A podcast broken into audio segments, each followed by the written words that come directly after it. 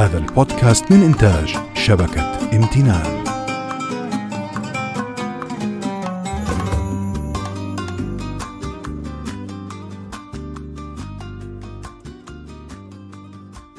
السلام عليكم ورحمة الله. نرحب بكم من بودكاست محمد باعبيد البودكاست المتخصص في الهجرة والهوية والذي يأتي ضمن شبكة امتنان لإنتاج البودكاست. أصحابكم أنا أبو بكر باذيب بصحبة الدكتور العزيز محمد باعبيد نبحر معه في خبايا نفسيات المهاجر الدافع الذي يدفع الإنسان لاتخاذ قرار الهجرة. ومتى يصل إلى قرار حتمية الهجرة التي لا مفر منها؟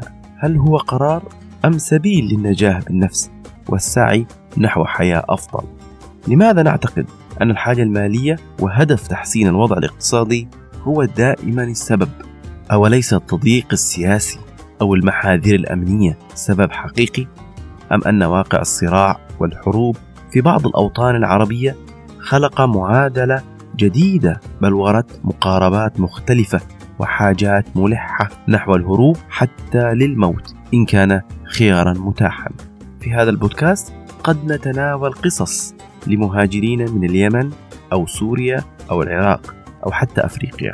ولكن كلنا نعيش في بعضها أو كلها. تعنينا أحيانا أو تلامس بعض ما فينا. تلامس الذكريات والحنين مشاعر فياضة تؤثر في القرار الذي يحكمه العقل وتسيطر عليه وتتغلب الحاجة على كل عالم المعنويات الرمزية على قصص الطفولة وعلى ذكريات المكان وعلى تتابع الزمان الذي لا ينتهي. والذي ينقش فينا نقوش جدارية من حضارات يمانية أو مسمارية عراقية. تحاصرنا سعيا منا أو اعتقادا بأننا نبحث عن مستقبل مستقر لأولادنا. لا يتجرعون ما كنا نعاني منه. بكلمات بسيطة وهادئة وقصص من القلب. يتحدث الدكتور محمد باعبيد في هذا البودكاست الذي يحمل اسمه عن تجارب الأيام وشخوص أثرت وما زالت تؤثر في عالم الهجرة والمهاجر. أعزائي المستمعين من الطبيعي أن تفوتنا بعض النقاط هنا أو هناك ولكننا حريصين على استكمال المعنى والقصد من توثيق قصة المهاجر وعالم الهجرة وصعوبات الاندماج وتحقيق الهوية.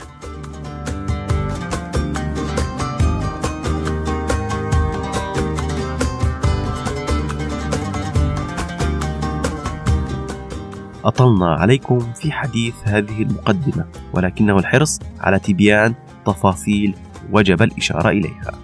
قبل بدء حلقتنا نتمنى منكم الاستماع والاشتراك في بودكاست محمد باعبيد. والاستماع أيضا إلى مختلف البودكاست في منصة شبكة امتنان لإنتاج البودكاست باللغتين العربية والإنجليزية.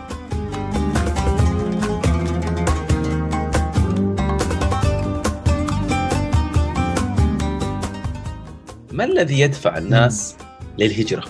لماذا تترك الناس بلدانها وتهاجر؟ الناس تهاجر لأسباب مختلفة الكثير يهاجر عندما يصل إلى قناعة بأنه وضعه الحالي في البلد وخاصة الوضع الاقتصادي أو الوضع الأمني أو السياسي يعني لا يطاق وصار آه، هذا الضغط يعني غير قابل للتحمل خاصة مثلا عندما تشعر بأنه أنت أمام آه، وضع اقتصادي صعب لا تستطيع أن تفي باحتياجاتك الأساسية واحتياجات أسرتك وبالتالي تفي بالتزاماتك تجاه أسرتك مثلا يعني نعم. في الغالب مثلا التجربة ال ال ال اليمنية آه، فيها كثير من هذا القصص والإنسان يمكن أيضا يهاجر أو لا يهاجر لكن ما يعرف بالهي القسرية يعني واحد يهرب مثلا من من من حرب يهرب من قد يكون نزاع اجتماعي أو في الفترات الأخيرة عدد الناس اللي تهاجر نتيجة الهروب من الحروب في البلدان العربية بالتحديد كثيرة جدا كما هو الحال في سوريا، العراق، الآن اليمن،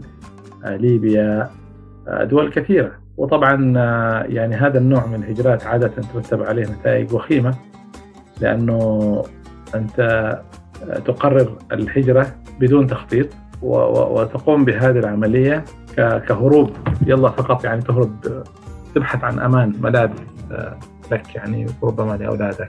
تترك كل ما يعني كل ما لديك وطبعا تحاول آه، تلجأ إلى مكان إلى بلد يوفر لك الأمان لك ولأسرتك وعندما طبعا آه، يتحقق هذا الأمر تبدأ رحلتك المأساوية مع كل ما فقدته سواء كان آه، الناس العزيزين عليك أو أهلك أو أحبائك.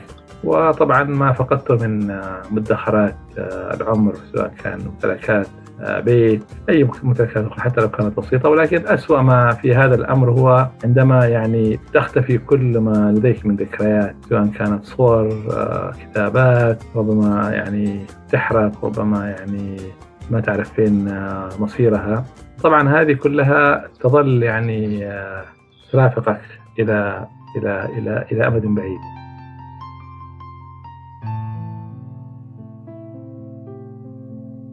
أشوفك وين يا مهاجر؟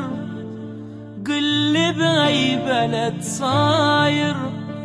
قل لي بأي بلد صاير. أشوفك وين؟ يا مهاجر فراقك مو سهل عندي ولا هي أزمة وتعدي. تعالوا طيب الخاطر اشوفك وين يا مهاجر أشوفك وين يا مهاجر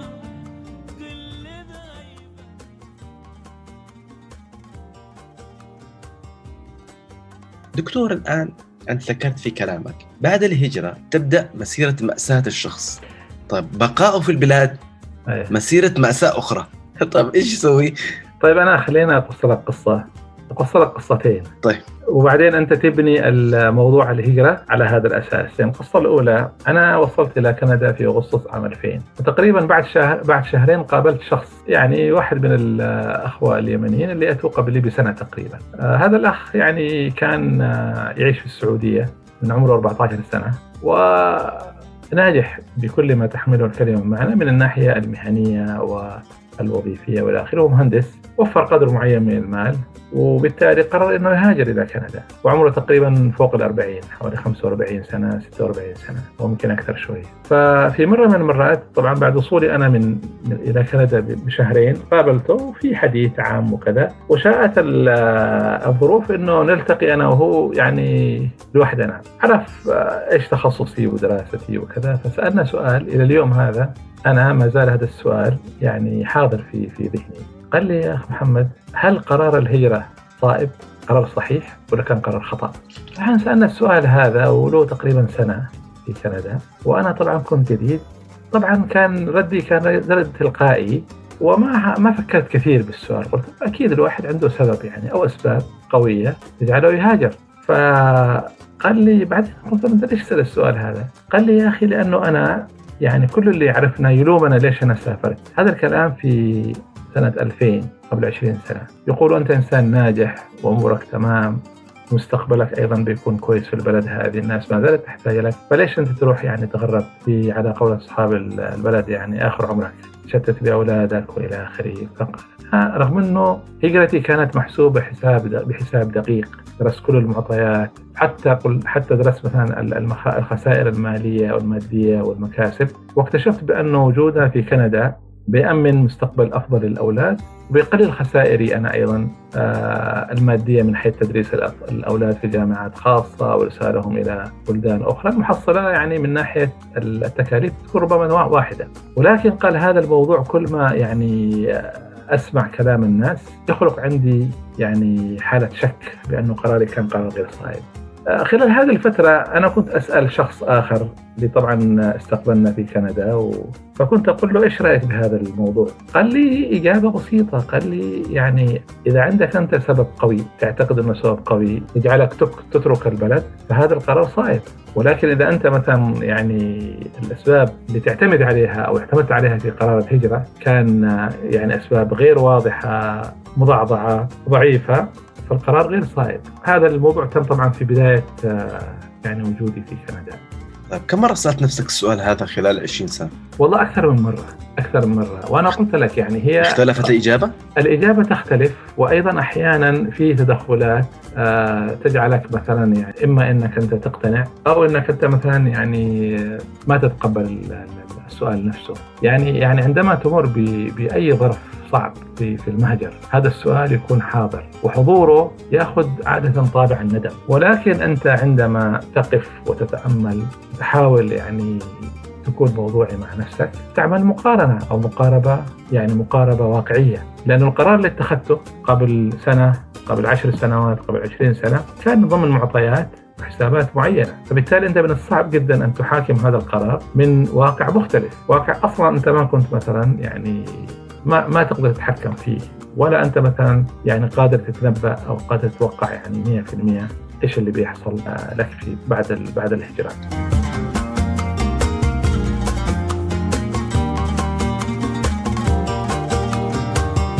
هل نحن نملك عندما نأخذ قرار الهجرة هل نملك رفاهية القدرة على حساب إيجابيات وسلبيات خسائر وأرباح الهجرة؟ شوف ال ال القرار قرار الهجرة مثل قرار من أي قرار تتخذه في حياتك. في الغالب في الغالب طبعا أكثر من يعني طريقة لاتخاذ القرار. فلنقل مثلا تتخذ القرار بأكثر من طريقة.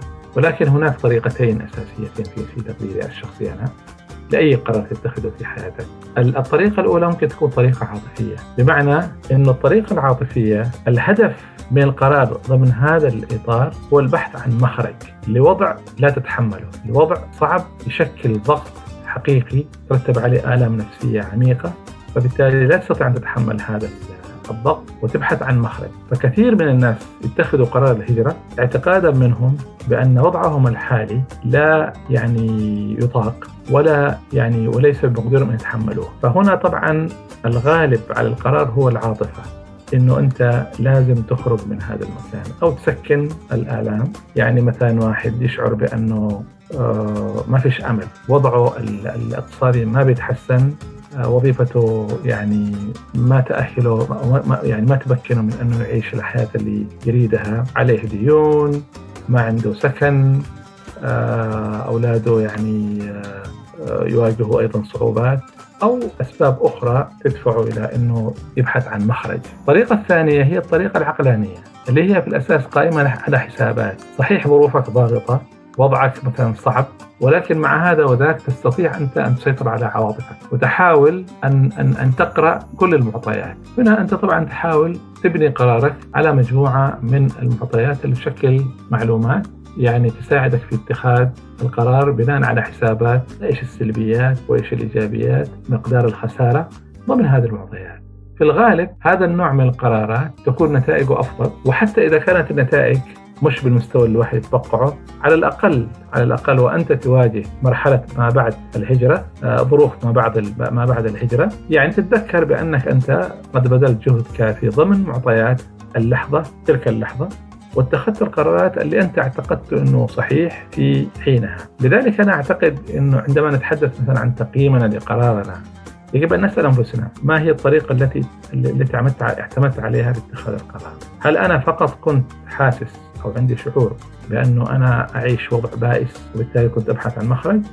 أو إنه مثلا أنا كنت حاسس بأنه المستقبل لا يبشر بخير وظروفي الآن مثلا اعطيك مثل بسيط كثير مثلا من الناس اللي عايشين في الخليج بدأوا يشعروا مثلا قبل كم سنة إنه الظروف تغيرت. فبالتالي يعني يقول لك أوكي أنا يمكن عندي سنتين أو ثلاث سنوات أو سنة. بعد كده لازم أنا أبحث عن مخرج. هذا قرار ضمن حسابات معينة. بالتالي يحسب الأمور ويعني قبل ما يخرج من وظيفته أو قبل ما ينتهي عقده يكون هو قد رتب نفسه ويهاجر إلى البلد اللي يعتقد بأنه ممكن يستقر فيها.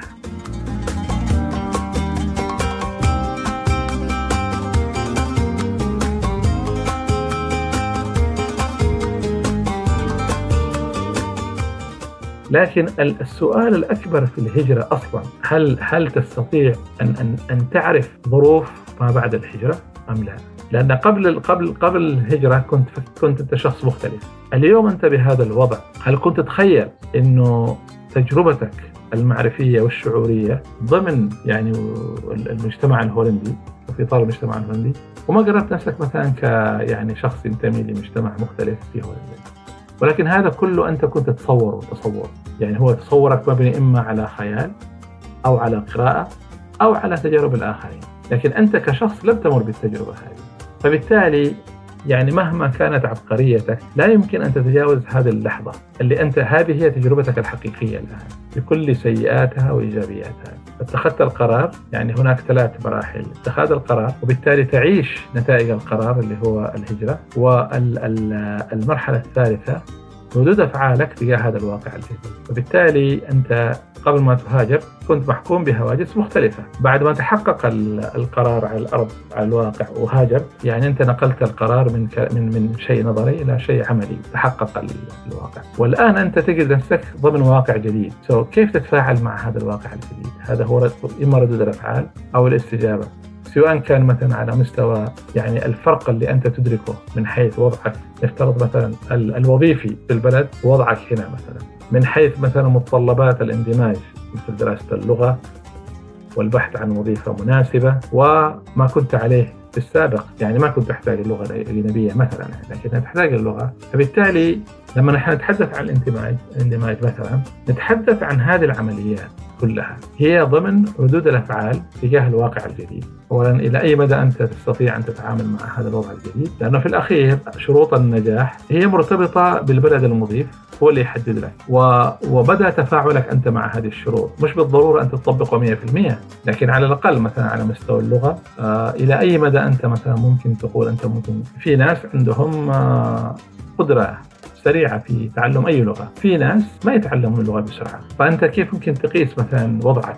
تمام في هذا الجانب. الوظيفة. ربما مثلا واحد يعتقد بأنه لا يمكن يشتغل في عمل ما له علاقة بتخصصه. لكن هل مثلا هذا الأمر يعني ممكن أو غير ممكن؟ وإلى أي مدى؟ يعني ما هي العوائق الطبيعية والعوائق المصطنعة اللي تعيقك من أنك مثلا تشتغل في مجال تخصصك؟ موضوع الهجرة موضوع الهجرة أنا في رأيي الشخصي هي يعني جرعة كبيرة جدا. تفوق قدرة أي إنسان في أنه يمتصها. فبالتالي أنت قبل ما تمتص هذه الجرعة الكبيرة يجب أن تحدد حجمها وتحاول أن تقسمها على أجزاء عقلك قادر يعني آه، استيعابها. استيعابها.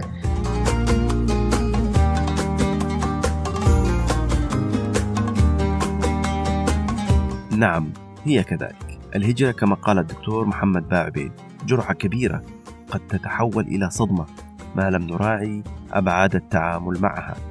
بآليات استيعاب نفسية ومعنوية وأيضا اجتماعية. وهذا ما نعدكم أن نقدمه في حلقاتنا التالية. سنناقشه ونبحث تفاصيله بالشكل الذي نحاول عبره الإجابة عن تساؤلات حقيقية وكثيرة تدور في أذهاننا. أرجو أن تكونوا قد استمتعتم خلال الدقائق الماضية. وعبر أثير هذا البودكاست المتخصص الذي نراعي فيه تنوع الطرح والرؤية. وعلى وعد بلقاء جديد الأسبوع بعد القادم. لا تنسوا الاستماع إلى هذا البودكاست عبر أي من المنصات التي تفضلونها من خلال تطبيقات البودكاست المتخصصة أو عبر اليوتيوب. واغمرونا بدعمكم وتوزيع الحلقات وتقييم محتواها بالتعليق والإشارة والمشاركة في القصص والتجارب النصية أو الصوتية. كان معكم أبو بكر باذيب دمتم في خير. والسلام عليكم.